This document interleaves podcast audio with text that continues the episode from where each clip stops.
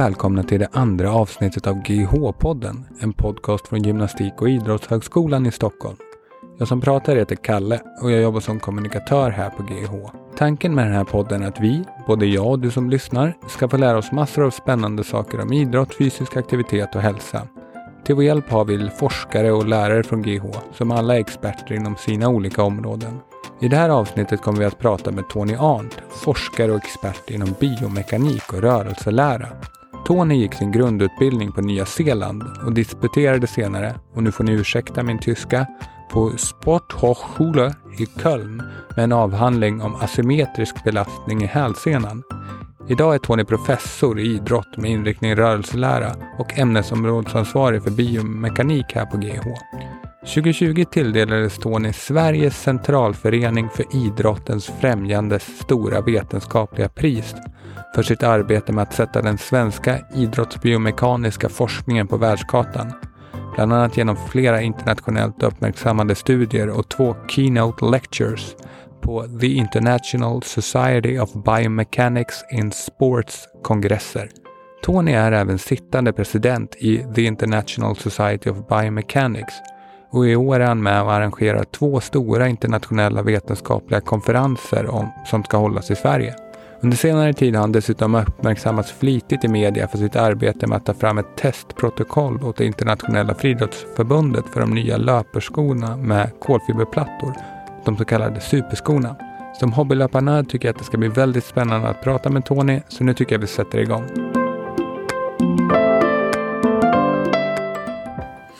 Så, hej Tony! Välkommen till GH-podden. Hur är läget med dig idag? Hej, tack så mycket. Ja, det är jättebra, tack.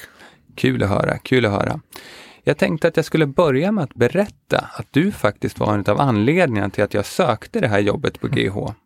Jag läste en artikel i Svenska Dagbladet om en forskare på GH som uttalade sig om de nya löparskorna med kolfiber och huruvida de skulle revolutionera löparvärlden. Som ganska osunt intresserad hobbylöpare minns jag att jag tänkte, fasen, tänk om man fick jobba med personer som forskar på så coola saker. Det visade sig att den forskaren var du och om vi snabbspolar till nutid så håller du för fullt på med att ta fram ett testprotokoll som ska bidra till att reglera de här nya kolfiberskorna. Hur hamnade du här egentligen? Men först och främst väldigt roligt att höra och kul att det är kanske lite genom det jag gör, att du är här. Jättetrevligt. Uh, ja, hur hamnade jag här? Jag var jag är inte från Sverige, jag är från Australien, men var, fick en postdoc i Stockholm på KI uh, i slutet av 90-talet och var där väldigt länge. Uh, men sen ja, jobbade jag vidare där på ortopedkliniken inom biomekaniken, men sen kom en professor här på GIH som jag sökte och 2013 kom jag då hit inom biomekanik mm. till GIH. Mm. Ja, men kan du berätta då lite om den forskning som dels du har bedrivit men också som har bedrivits på GH som liksom tagit dig, som gjort att du får vara med och till exempel bestämma om de här kolfiberskorna? Vad är det som ligger till grund för det här? Ja, den, den forskningen som har bedrivits på GH inom biomekaniken det är mycket tack vare professor Alf Torstensson som tyvärr inte är med oss längre. Uh, som var internationellt känd för sin biomekanisk forskning men kanske inte lika mycket på nedre extremiteterna på ben och fötter som, som jag gör. Det är mycket mer min tyngdpunkt som jag forskar på. Och även där är det med Karolinska institut bakgrunden att jag jobbade på fötter och fotens biomekanik och rörelse och krafter. Uh, även belastning i hälsenan. Och det, det, har jag tagit med mig då hit till GH. Och det är inte så jättestor skillnad jämfört med ortopedisk. Eh, det är idrott men det är samma fot som man tittar på. så det är fortfarande rörelse av benen och inom foten och det är fortfarande samma hälsenan som man tittar på. Men nu är det applicerat mycket mer till idrott och tillämpad mot idrott. Även om jag är väldigt grundforskningsintresserad fortfarande också. Och jag, det är lite av en en grej jag har, jag vill gärna se kopplingen och vikten av grundforskning, men man kopplar det till något som är tillämpad. Men man behöver det fortfarande, så det är inte något som man ska försöka bli av med, som man kanske hör ibland.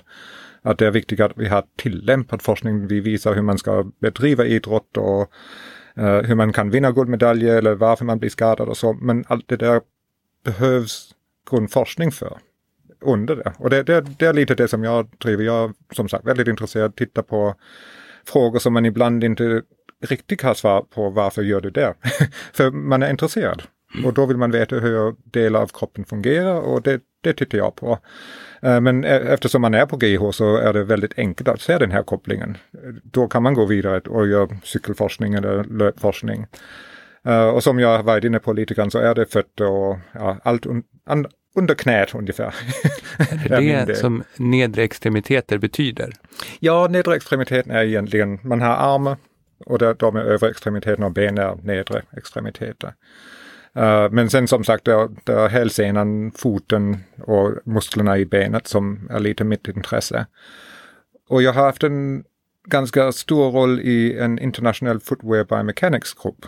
Och genom den här kopplingen med min egen forskning och den här gruppen som jobbar med skor så fick jag också kontakt med World Athletics och det där internationella um, friidrottsförbundet. Och då kom upp frågan om jag inte kunde hjälpa till med några tester de vill göra för att kunna reglera nya skorna. Mm. Men då på tal om det här The International Society of Biomechanics, där är du den sittande presidenten. Eller säger man presidenten på svenska? Jo, President. jo mm. jag, jag antar det. Mm, ja, det låter ju superhäftigt. ja, men för, förkortat ISB då. Och även om jag vet ganska lite om biomekanikforskning i allmänhet och ISB i synnerhet så förstår jag att det är jäkligt ballt. Kan du berätta lite mer om vad ISB gör och ditt arbete som president? Ja, gärna. Um, International Society Biomechanics, alltså ISB, den har funnits sedan slutet av 60-talet och är den enda stora internationella ja, society inom biomekaniken. Det finns en kongress som är större, men det är utan society där bara man möts vart fjärde år. Medan ISB är en grupp som också, utom en stor kongress som är väldigt viktig för gruppen, försöker främja unga forskare inom economically developing countries till exempel och studenter och ordna andra möjligheter för att främja biomekaniken. Uh, vi har en Executive Council som träffas en gång per år och sen är stora eventet är då en, en stor kongress som vi har vartannat år. Uh, och sen de har alltid en Executive Council och där finns ordförande för den är då presidenten som väljs av medlemmar. Och det, det var väldigt häftigt att, att bli vald naturligtvis som ISP president för ja, snart två år sedan. Så till sommaren är det slut. Får man bara sitta en gång så att säga? Bra fråga. Det är ingen som har suttit fler än en gång. Och det grejen är också att det är egentligen sex år. I två år är man president elect så är man president två år, sen är man past president. Så om man skulle väljas igen så är det sex år till och det är ganska mycket. Mm. Vad heter det? Eh, sen är det så, du har ju även hållit två så kallade keynote lectures på The International Society of Biomechanics in Sports, ISBS, eh, kongresser, vilket jag förstår på ren svenska betyder att du verkligen varit med och satt GH och svensk, och satt GH svensk idrottsbiomekanik på världsgatan. Men för det första, skiljer sig ISBS från ISB? Och sen kan du berätta lite för mig och lyssnarna om sammanhanget så att vi förstår precis hur stort det är.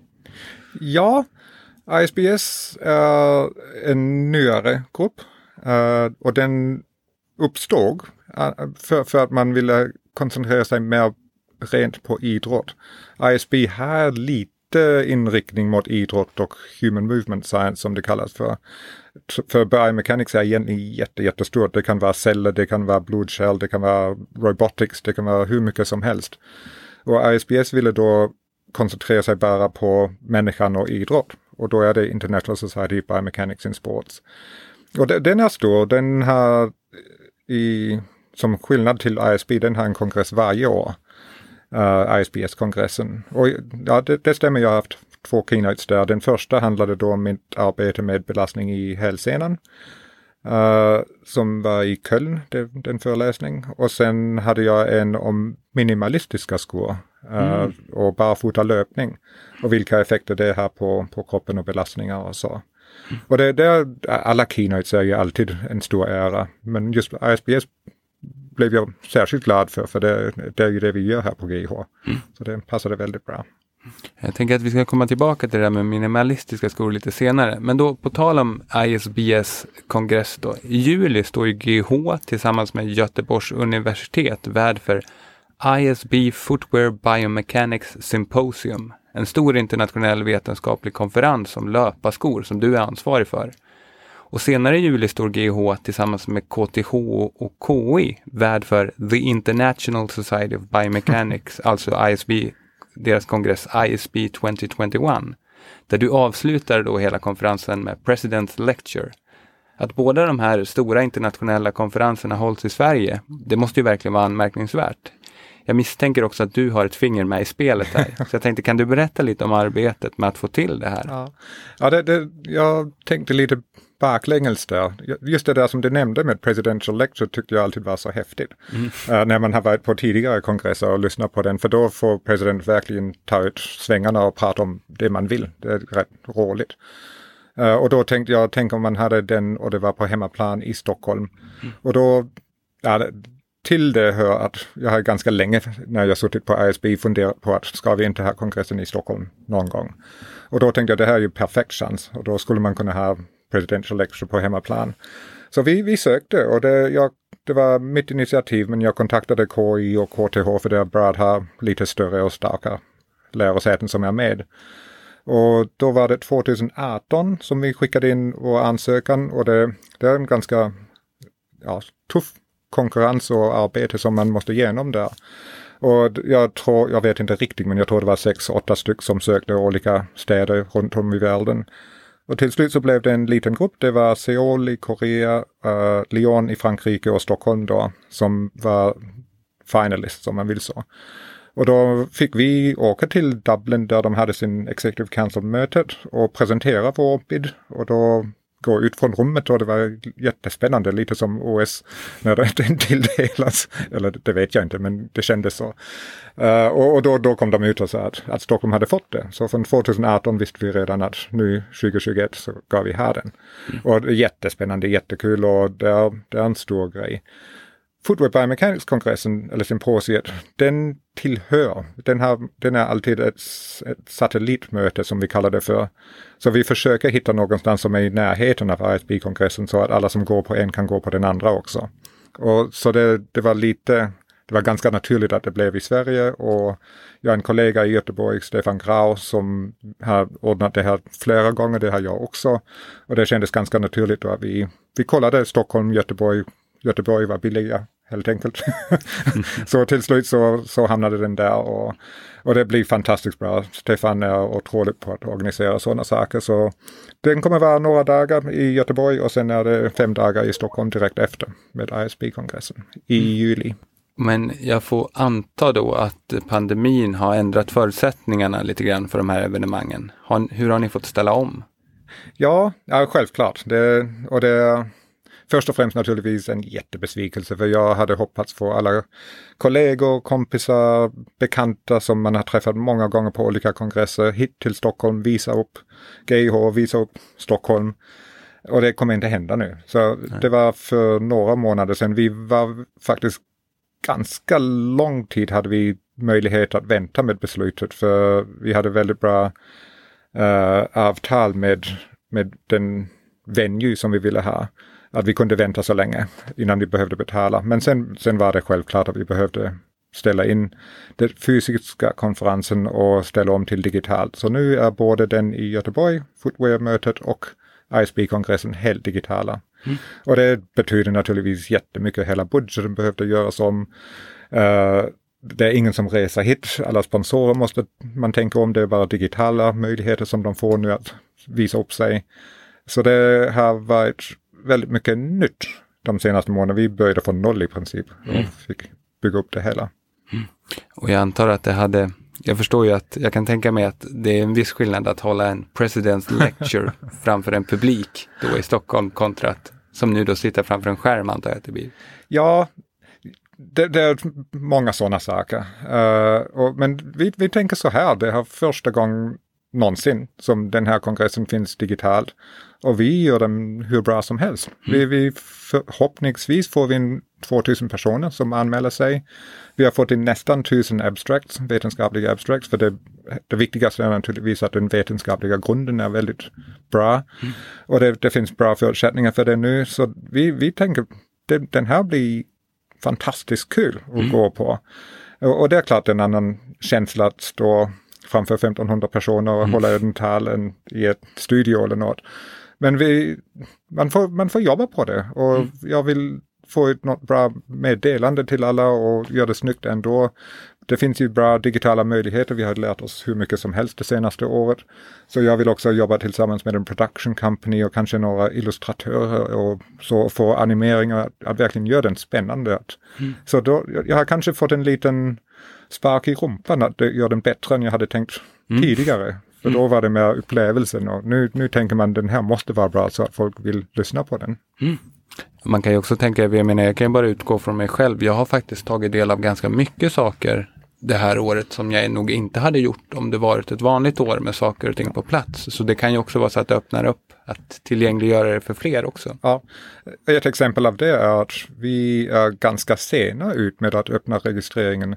Men de som vi jobbar med, de professionella conference organizers, de har sagt att det, det gör inte så mycket nu. För man kan anmäla sig väldigt spontant och en vecka innan för man behöver inte boka resor eller hotell eller sånt. Mm. Så det öppnar ändå att det kan bli, vi hade aldrig haft 2000 tror vi, uh, fysiskt. Uh, då räknade vi med 1000-1500 kanske. Mm. Men, men nu hoppas vi, vi vet inte än så länge hur många som anmäler sig, men vi hoppas på runt 2000. Mm. Och frågan är om det blir så här framöver också. Att, mm. det, att alla kongresser kan ha digital anmälan också. Mm. För att öppna för de som inte har råd eller inte får resa. Man vet inte hur det blir med pandemin framöver. Mm. Uh, det blir ju lite lockdowns överallt fortfarande.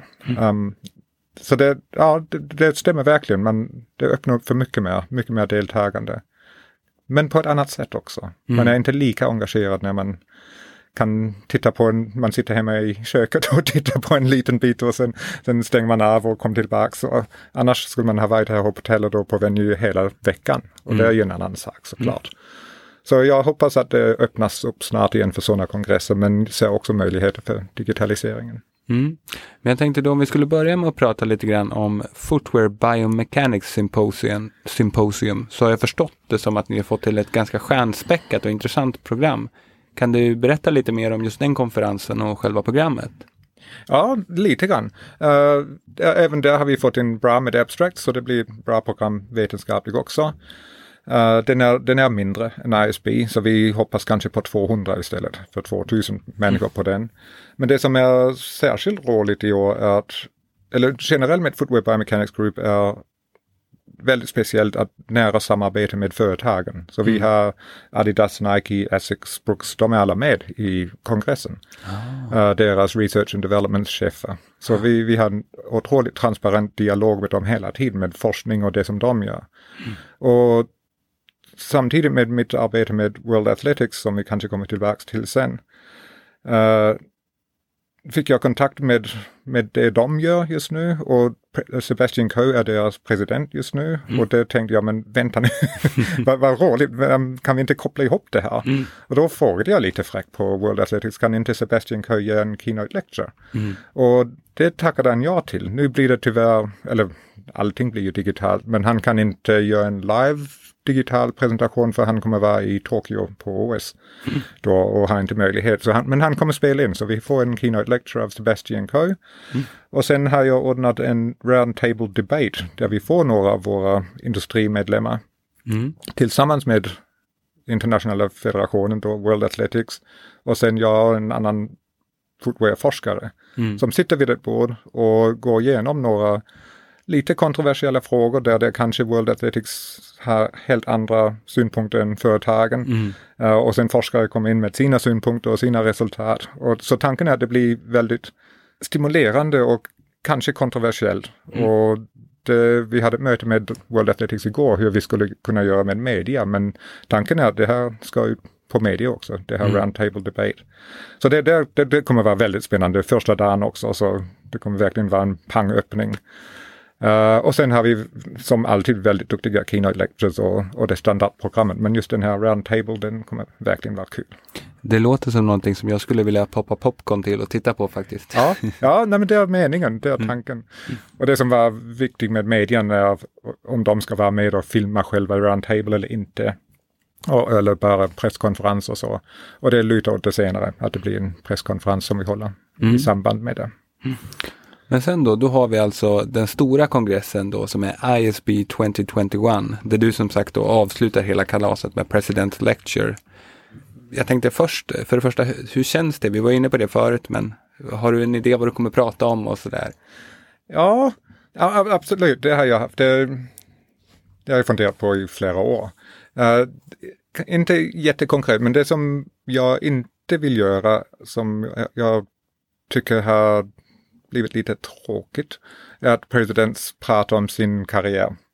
Och tackar väldigt många personer och går igenom vad, vilken forskning de har gjort med vem och kollaborationer och kanske internationell betydelse och så. Jag, jag tycker det, det skulle man kunna göra, men det kan jag slänga ihop på en halvtimme. Mm. Känns det som en sån föreläsning och det kanske är intressant för personer att höra men inte riktigt för mig.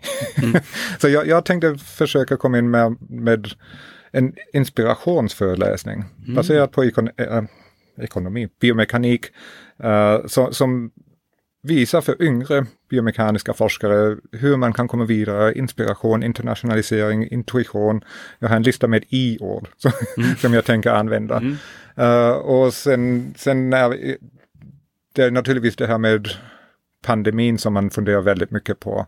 Men just nu lutar emot att prata i princip ingenting om den. Att, att det, jag tycker det också ur den, den, den pratas om så mycket ändå. All, alla vet om det, man säger samma sak om man börjar prata om det. Så jag, jag tänker egentligen att, och det, det är ganska stort beslut att inte prata om den. Jag vill, mm. jag vill titta framåt, titta positivt och mm. hur kan vi göra för att göra det här bra. Mm. Ja, det blir verkligen någonting att se ja, Jag hoppas, det är inte lätt. nej, nej, nej, det förstår men, jag. jag tänker, jag... Det här måste vara nästan lika jobbigt som om man ska ha ett sommarprat här i Sverige. ja. Men du, hur skiljer sig då 21, 2021 från Footwear Biomechanics Symposium? Hur ser programmet ut där? Vad kommer, vad kommer det handla om? Ja, uh, den, eh, ett enkelt ord är större. Den är, den är mycket större. Uh, vi har sju parallel sessions hela tiden med alla presentationer medan Footwear Biomechanics är ett. Mm. uh, och, och sen har vi några jättestora awards. Det finns några föreläsningar som är redan pristagare som får de här föreläsningarna som pris. Uh, som är väldigt, uh, det är de största som finns internationellt för, mm. för biomekanik. Uh, och, och sen är det själva ämnet är mycket, mycket bredare. Som jag nämnde i början, biomekanik, det kan vara celler, det kan vara robotics, blodkärl, det är absolut inte bara fötter, det kan vara hjälmar, det kan vara hur mycket som helst. Uh, och det är nästan ett problem att avgränsa biomekaniken. Mm. Men alla, alla dessa delar är med i ISB. Mm. Så det, det är muskelbiomekanik, det är sen och vad händer i olika benceller när man belastar dem. Mm. Så det är en helt annan nivå på, på själva ämnet. Medan det är ganska smal på footwear-mötet för det handlar ju om footwear. Mm. Uh, så biomekanik det är, det är verkligen väldigt, väldigt brett. Mm. Och ja, så, och, och, allt det där behandlas på den här kongressen. Mm. Så det är mycket större spektrum av forskare som deltar i den. Mm. Men då med andra ord så känns det som att eh, det kommer garanterat finnas en del att, som man vill lyssna och titta på. Ja, absolut, det tror jag. Det, det är nästan det är mycket, som sagt nästan tusen abstracts. Vi kommer inte acceptera alla men väldigt många kommer presentera och, och det blir poster presentations också. Mm. Men, men det det finns saker där för alla som är intressanta. Absolut. Mm. Och då är det kanske de här keynotes och de pristagande lectures som, som man kanske tittar på först. För det, det är ju de största, bästa i världen som har fått dem. Mm. Så det är väldigt spännande. Sen, men det är alltid någon guldkorn som man nästan missar. Mm. Någon forskare som man kanske inte har hört talas om som har gjort någon fantastisk studie som, som man måste verkligen lusläsa genom alla titlar och se vad som är intressant. Mm. Men jag, jag, tror för, för de på GIH och även KTH, KI, att det är jättemycket som är där som kan vara intressant. Mm. Och vi har skickat ut till Swedish Society of Biomechanics som är relativt nytt. Och jag tror och hoppas på att det blir väldigt stort deltagande från Sverige. Mm. Alltså, jag är ett science fiction-fan, så om det är en del om robotics, då tror jag det kanske kan vara någonting för mig faktiskt. Ja, lite intressant är att vi har faktiskt en ex-president uh, kollega Ton van den Borget som har fått en Academy Award. Mm -hmm. För han gör det, här jobbet med rörelseanalys för Lord of the Rings i Oj. bakgrunden då. Så, Ja. så det finns tydligen, det visste inte jag, det finns Academy Awards dagen innan tror jag för tekniska Ah. eh, bedrifter. Och, så han fick gå på han har en liten statuen. så, så, så det är lite häftigt, för det, det här rörelseanalys med reflekterande markörer, det är ju en metod som används både för Gollum men även i spelindustrin och science fiction och överallt. Så det är lite, lite kul, lite passande. Det känns som att min main takeaway här är ju att biomekanik är väldigt mycket coolare än vad man tänker. ja, bra. Men jag tänker då om jag och lyssnarna vill ta del av de här båda konferenserna, hur gör man för att anmäla sig? Hur registrerar sig? Ja, de har ju sina hemsidor. Uh, Footwear Biomechanics är under Footwear Biomechanics. ISB har både sin Society, ISB själv har sin hemsida och där finns naturligtvis länkar till kongressen. Och sen har ISB 2021 sin egen hemsida, där finns en registreringssida. Uh, men vi kan och kommer väl göra det också, lägga upp det på GIH. genom Ja, vi GIH lägger det på GH. Jag tänker jag kan också lägga det i avsnittsbeskrivningen till det här Just- avsnittet. just det. så kan man snabbt hitta Snyggt. till det. Ja, så, och där, finns, där kan man också läsa sig fram till vem som är keynotes, vad har de för um, topics. Och sen finns det en sak som är lite speciell med ISB. Dagen innan kongressen finns det fyra tutorials.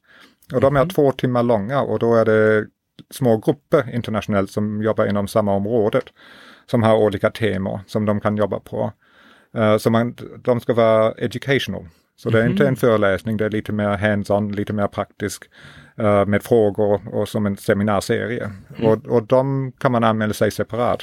Så det är fyra stycken sådana som man också kanske, framförallt studenter, kan tänka sig att, att det kan vara intressant att anmäla sig till. Mm. Ja men gud, det blir ju superspännande. Du, jag tänkte innan vi går vidare här bara, du nämnde också Swedish Footwear, Swedish Biomechanics. Swedish Society of Biomechanics. Kan du bara, har du, det har du varit med och grundat va? Kan du berätta ja, lite om det? Ja, det var också en sån sak som man hade grubblat på i väldigt många år. Um, vi, ja, man går på ISB-kongress i Tokyo till exempel och träffar några från Stockholm där, några från Lund och några från Luleå. och sen pratar man och har väldigt mycket gemensamt och jättekul ihop och sen kommer man hem igen och gör ingenting. Och sen nästa gång så är man i Calgary och träffas igen eller något sånt. Och det kändes så löjligt att det, det är så många som gör biomekanik i Sverige. Men inte samordnat och med samarbete. Och det, det är lite överdrivet. Det är klart det finns delvis men inte mycket. Och lite på utbildningssidan också. Att det, det är väldigt många högskolor som har inslag av biomekanik men ingen sammanhållen biomekanikutbildning på det sättet. Och då tänkte jag, och jag, vi försökte redan när jag var på KI lite löst att få ihop en grupp i alla fall som träffades regelbundet. Och det, det föll helt enkelt. Uh, men sen för två år sedan, tre år sedan kanske, så kom vi så långt att, att det var några stycken som var tillräckligt intresserade att bilda på riktigt med, med stadgar och allt möjligt. En Swedish Society of Biomechanics med en council och årlig möte och allting. Och, och jag, jag var med och grundade den, satt i, sitter fortfarande i council där. Och det är jätteroligt att ha fått, fått igång det. Det är inte otroligt mycket aktivitet men den finns och möjligheterna finns och till exempel med ISB-kongressen nu så är Swedish Society involverad och ska stötta och försöka ha så många som möjligt som deltar också. Ja, vi har haft möte varje år sedan dess. Så ja, nej, men det är jätteroligt att få igång det. Kan man säga att liksom den biomekaniska forskning som bedrivs i Sverige, står den sig starkt internationellt? Svår fråga att svara Ja, på kanske. ja det, det gör det. Uh, det. Det är lite så att det är svårt i alla områden, alla ämnen, att vara lika mycket spets som det kanske som man kunde vara för 50 år sedan. Uh, för det är så väldigt många duktiga högskolor och forskare som, som verkligen är på framkant. Uh, men men det, med det sagt så finns det där i Sverige också. Uh, och det är det jag försöker få GIH på den nivån också. Jag, jag tycker vi är kanske inte riktigt där just nu, men det beror mycket på vår, hur, många personer vi är helt enkelt. Vi, vi har inte hundra forskare inom biomekanik och då är det svårt att få den här stora mängden av produktion och kanske de genombrott också som man kan få om man är större. Uh, men absolut, det, det är mycket, och Sverige har väldigt bra rykte också inom biomekaniken och det, det är lite spännande. Mm. Mm. Man kan säga att potentialen finns verkligen där i alla Ja. fall. Mm. Ja, men du, nu tänkte jag att vi skulle gå över till att prata lite om ett ämne som ligger mig varmt om hjärtat, nämligen löparskor. Du får prata om löparskor ännu en gång här. Jag vet att du har gjort det mycket i media. Men det är ju så att du har formellt anlitats av det internationella friidrottsförbundet, alltså World Athletics, för att utreda biomekaniska metoder för att reglera nya prestationshöjande löparskor på internationell elitnivå. Vilket såklart är hur coolt som helst. Alltså hur går arbetet med det? Vilken fas är du och Ja. i? Ja, ja, lite bakgrund. Det, det, det, World Athletics reagerade kanske lite för långsamt på det här. Det plötsligt kom, kom skor som alla slog alla rekord i och man kunde inte vinna ett internationellt lopp om man inte hade dem på sig. Uh, och, och, och sen först kom reaktionen istället för kanske lite proaktivt redan säga att den här utvecklingen är på gång.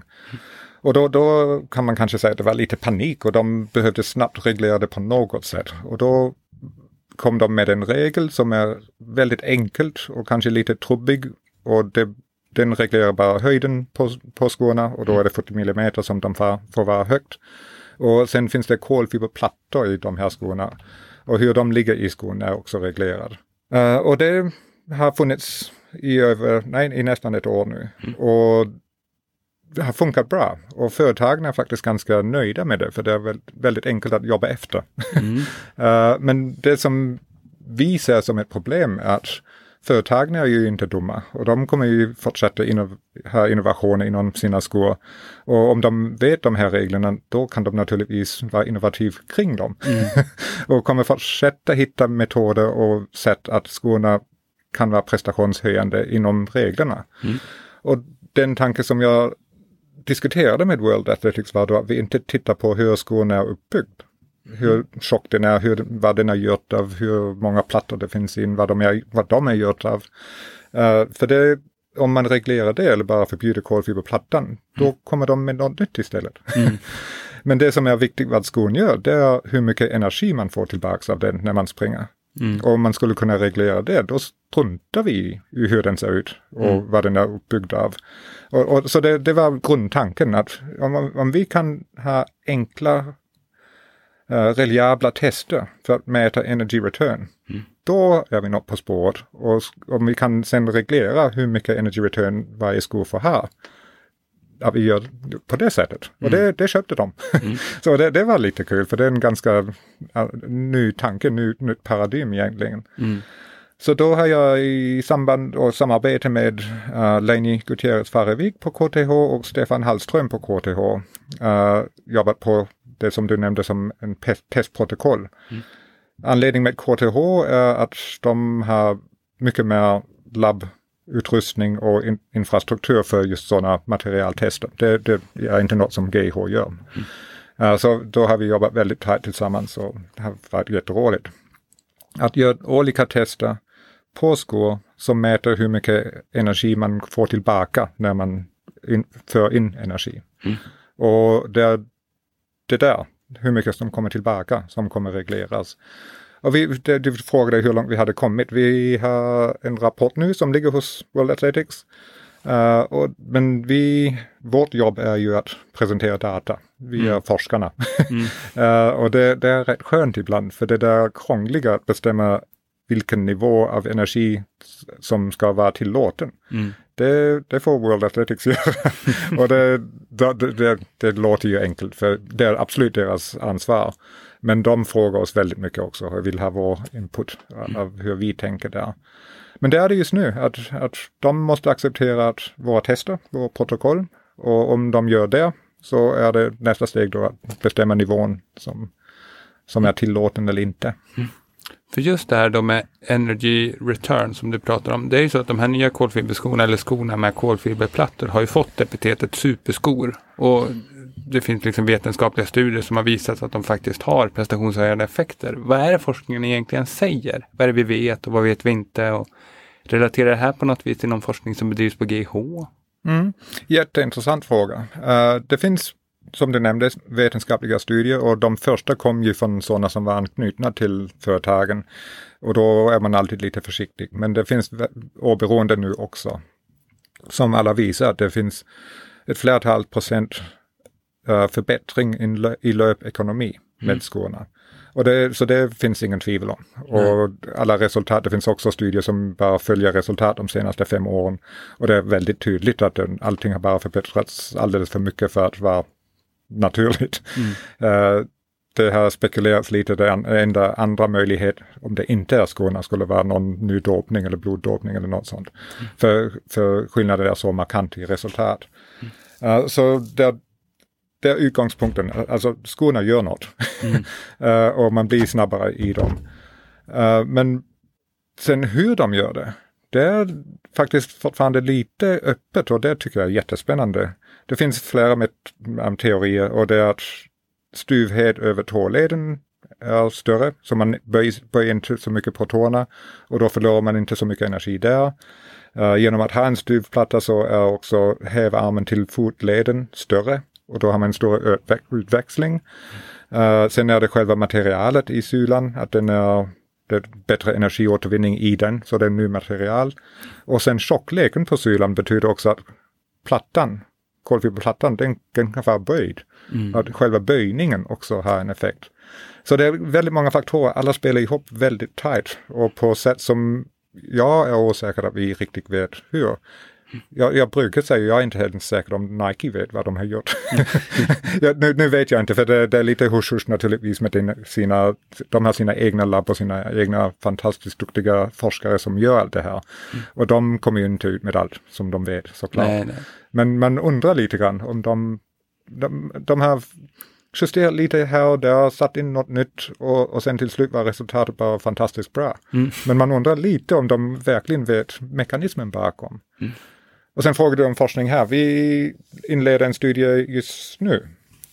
Jag har fått lite pengar från SIF och jag har sökt på Vetenskapsrådet också. Där vi vill titta på det som jag inte nämnt, men man har sett förbättrad löpekonomi. Men den är inte likadan i olika löpare. Det mm. finns ett spann där. Uh, man brukar prata om 4% förbättring. Mm. Men det är ett medelvärde och i samma studie så ser man mellan 1 och 6% förbättring. Vilket är ganska mycket. Det, det, är ett stort spektrum eh, på, på den nivån som mm. vi pratar om. Och varför är det så? Mm. Och det finns egentligen ingenting som säger. Nej. Det är en sak som man har pratat om att om man vill använda eller utnyttja den här hävarmen då behöver man starka vadmuskler. Så det mm. kan vara något att man har, måste ha dem, den styrka. Mm. Men hur är det med vikt, benlängd, senlängd, kön?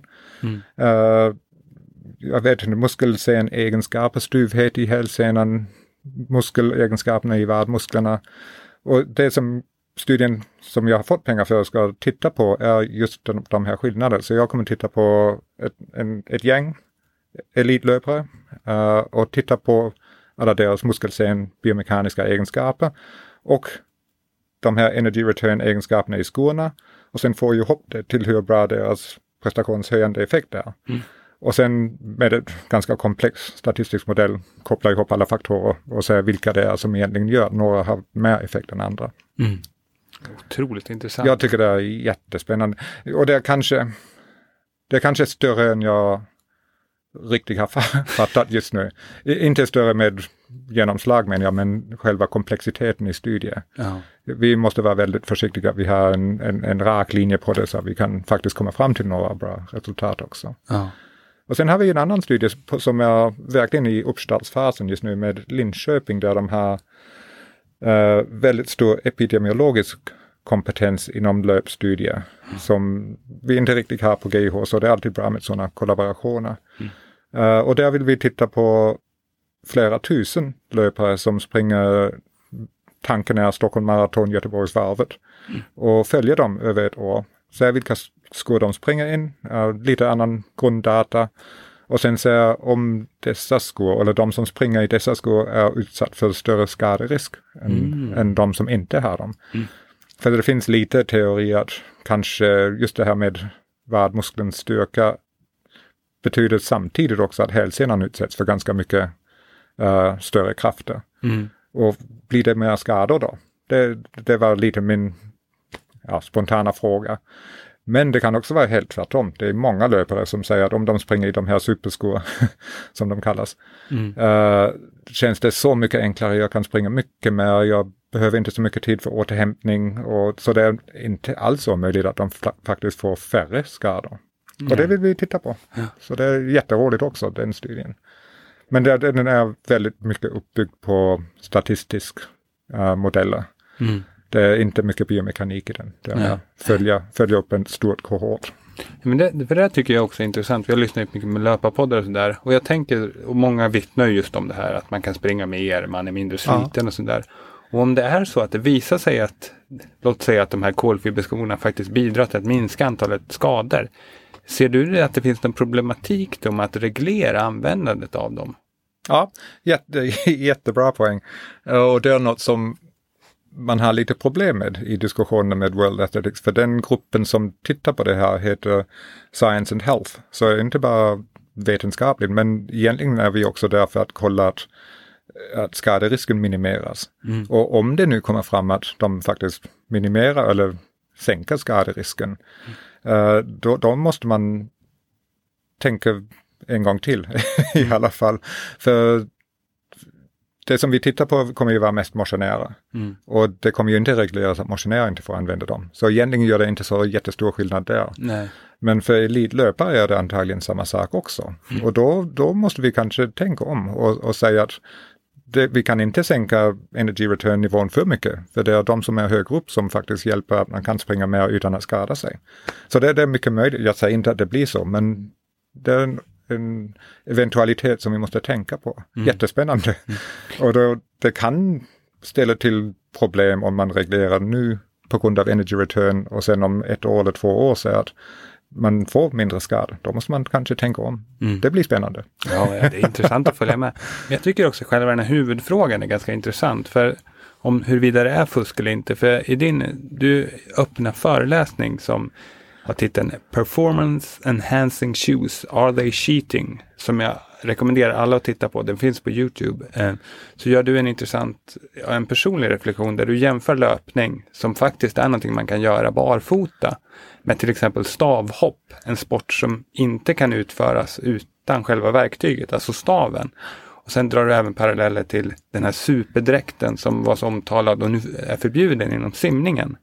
Kan du berätta lite om och utveckla ditt resonemang här? Ja, det, egentligen har du redan gjort det. Um, jag, jag, tycker löpning är en sån ren sport. Nu menar jag inte dopningsfri eller så, men den, den, det är du som springer. Och du, egentligen kan du springa utan skor. Mm. Uh, många av de bästa tiderna som springs är barfota, mm. även nu.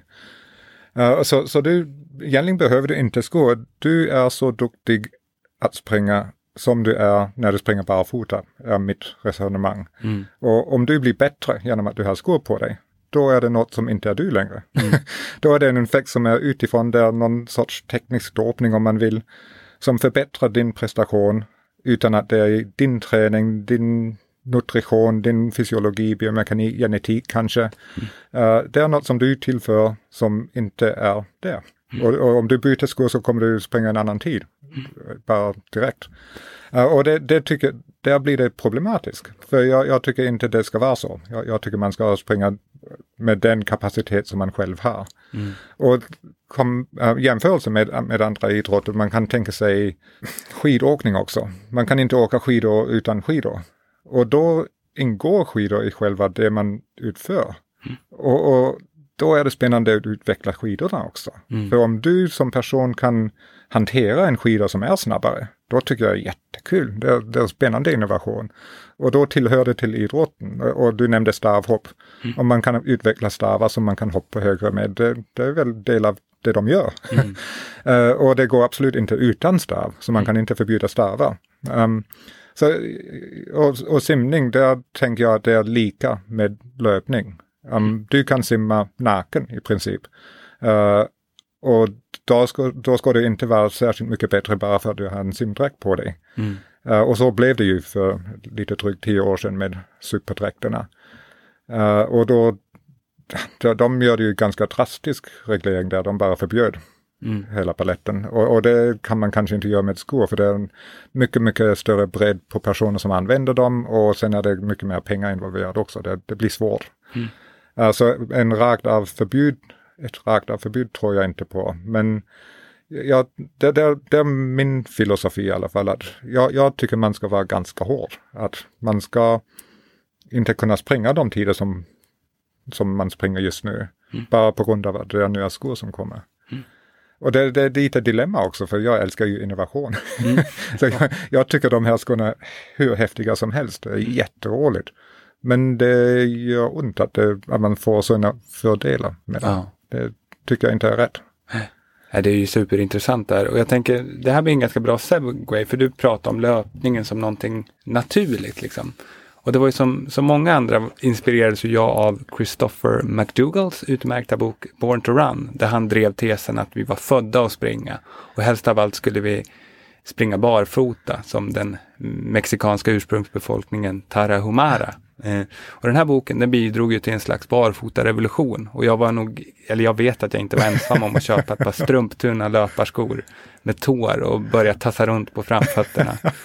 Och jag minns att den här boken den refererar till flertalet, vad jag antar nu, mer eller mindre trovärdiga studier som jag i alla fall då svalde med hull och hår. Liksom. Och sen kan vi bara spola fram några år och nu befinner vi oss på andra sidan spektr spektrumet och jag springer i ett par Hokas, ett par maximalistiska skor, ett par traktordäck som jag kallar dem. Och så sitter du och jag här och pratar om kolfiberskor nu. Och det känns som att det har hänt ganska mycket bara de senaste tio åren inom löparskovärlden. Hur ser du på den utvecklingen? Och vad ja. säger forskningen egentligen utifrån det aktuella kunskapsläget? Ska vi springa i barfotaskor, traktorskor eller kolfiberskor? Ja, det är jättespännande och det som jag tycker är väldigt intressant är just det här med senaste tio år. För jag tycker det var ganska stagnerad inom innovation och löparskor i princip 30 år innan dess. Mm. Det var många företag som kom med olika nya modeller, ny, nya material, nya olika egenskaper i skorna och så. Men mycket skulle jag skriva ner som marknadsföring som egentligen inte hade särskilt mycket effekt. Mm. Uh, men sen, sen var det några saker som hände för, ja det är lite mer än tio år sedan, men mycket av det här med, och mycket forskning också som försökte påtala att pronation var ett problem, uh, stötta var ett problem, man måste ha kursningsskydd, man måste dämpa. Och sen kom det en vändning att även forskarna såg att, men vänta nu, egentligen har vi ingen riktigt bevis på det här. Mm. Och nu, nu är det inte självklart att man ska undvika pronation, att man ska, ska dämpa stöttarna och så. Mm. Och det, det, tycker jag är nästan en av de största grejerna, att forskarna själv kunde ta ett steg tillbaka och reflektera och säga vi har försökt så många år att förknippa de här med skador men det finns inga, ingen, ingen relation. Och, och sen lite i samband med det, och det kan man kanske tillföra det här med att kursning inte var så viktigt längre, mm. kom minimalistiska skor. Mm. Uh, och det, det var en jättehype som du säger, det blev också väldigt polariserad. Att det var sådana som älskade det och sådana som hatade det. Mm. Uh, av någon anledning. Uh, och där tycker jag det var väldigt intressant för det var mer en jag vet inte hur man ska kalla det, även där kanske filosofiskt, hur, hur man tänkte. Man, man mm. gillade att springa barfota och den här tanken med ursprungsbefolkning och mm. hur man sprang för tusen år sedan. Och det, så det var mer en sin eget värde på något sätt. Mm. För det var väldigt lite forskning som visade någonstans att det fanns någon prestationseffekt. Mm. Man blev inte snabbare eller bättre genom att göra det. Mm. Uh, och sen kom det lite forskning som visade att det eventuellt finns större skaderisk i några särskilda områden mm. mellan foten och hälsenan. Med minimalistiska skor som du nämnde, man framfotar löpa också.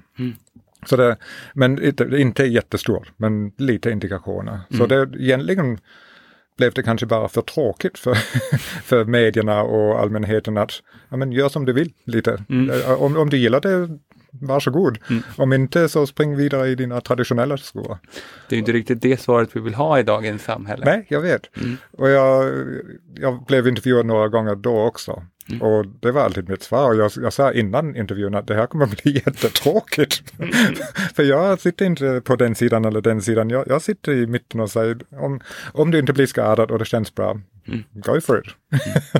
jag har ju faktiskt kvar mina de där och jag springer i dem ibland just för att man får ju ganska bra markkontakt och det känns som att man får tänka lite mer på hur man, man måste springa lite mer fokuserat. Ja, liksom. ja, så ja. Men det är ju en följdeffekt, det är ju inte skon i sig. Så Nej, säga, utan... och det, det tycker jag alltid är bra att springa i olika skor, modeller som har olika egenskaper.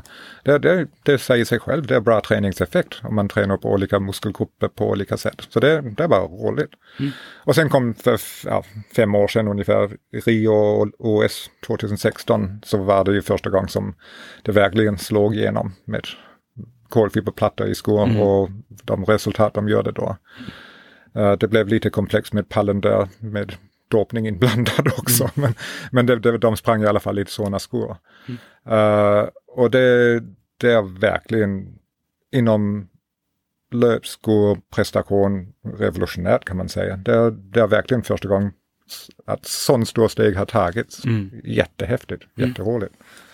Jag tänker det är ändå en spännande tid att vara en del av. Ja. Eh, både biomekanik men också från mig som amatörlöpare. Ja. Liksom. Den världen, det händer mycket. Ja, verkligen. Mm. Och det, det, det som jag känner mig så trygg i att jag känner de flesta från Footwear Biomechanics Group i, i företagen. Så vi känner oss sedan 20 år tillbaka mm. och är ganska bra kompisar och så, så vi kan prata om sådana saker och det var inte svårt att få dem att komma till roundtable och så. Mm. Så man har verkligen ingång där så man kan lyfta de här frågorna och se hur företagen också tänker med sitt innovationsarbete. Mm. Det, det, gillar jag, det tycker jag är jättebra. Mm. Ja, det låter, men det låter ju om man, som du säger, kan skapa förutsättningar så att det blir schysst och att så företagen kan innovera, ha någonting att förhålla sig till i sin innovation. Det känns ja, som att det... det... Risken nu är ju att vi dämpar den. Ja. uh, och då, och det, det, är, det är komplext. För det som vi försöker göra säger, men fortsätt innovera men gör det på hållbarhet i era skor. Mm. Titta mer på skadereduktion. Mm. Innovera åt de hållen mm. istället. Um, nu vet vi att ni kan göra prestationer. Det, det, det, det får ni sluta med. Nej, det, det kommer vi inte säga. Men, uh, men, men lite så att men rikta er innovation och uh, även finansiell driv åt ett annat håll. Mm. För om fem, eller de närmaste åren kommer det vara jätteviktigt med hållbarhet i material som man använder och, och skorna, att de kanske håller längre. Mm. Det kanske duger inte längre att man har skor som man till och med marknadsför som Ja, de är så bra men de håller bara 160 kilometer. Mm, och det har jag sett någonstans i ett reklam. Mm. Och det tror jag kommer inte hålla de närmaste åren med all medvetenhet som vi har om hållbarhet. Mm. Och så kan de tänka lite mer de håll istället. Mm. Men det, det, är väldigt svårt att kommunicera med företagen just nu. För ja. de är väldigt inne på naturligtvis med sina prestationsmöjligheter mm. som de har hittat.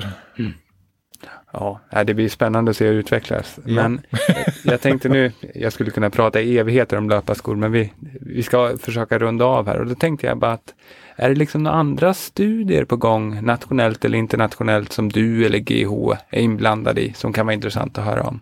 Ja, ja absolut. Uh, jag, jag försöker sålla lite i mm. studierna. Jag, jag kan nämna en. Uh, och den gillar jag för den har fortfarande koppling till foten och löpning men även min Karolinska institut-tid. Och det som var rätt roligt och ja, kanske den största bedrift som jag, den grupp jag jobbade med i, på Karolinska institut var att vi hade några invasiva metoder där man kunde titta på rörelsen av ben inom foten. Mm -hmm. Jag nämnde tidigare de här reflekterande markörer som man kan ha på kroppen för att mäta rörelse. Mm. Om man vill använda dem för att mäta foten så ser man bara fot som en segment. Mm. Men vad gör egentligen mellanfotsbenet eller kuboideum eller tarsalbenet mm. när man går eller springer?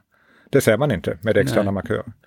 Så det vi gjorde var att vi borrade in pinnar antingen i fotbenen och satt på markörerna på pinnarna. Och då vet man att de markörerna tillhör det benet och ja. den rör på sig så och så. Men ett annat sätt som vi gjorde var att vi stoppade in små, små en millimeters diameter metallkulor i de benen. Mm.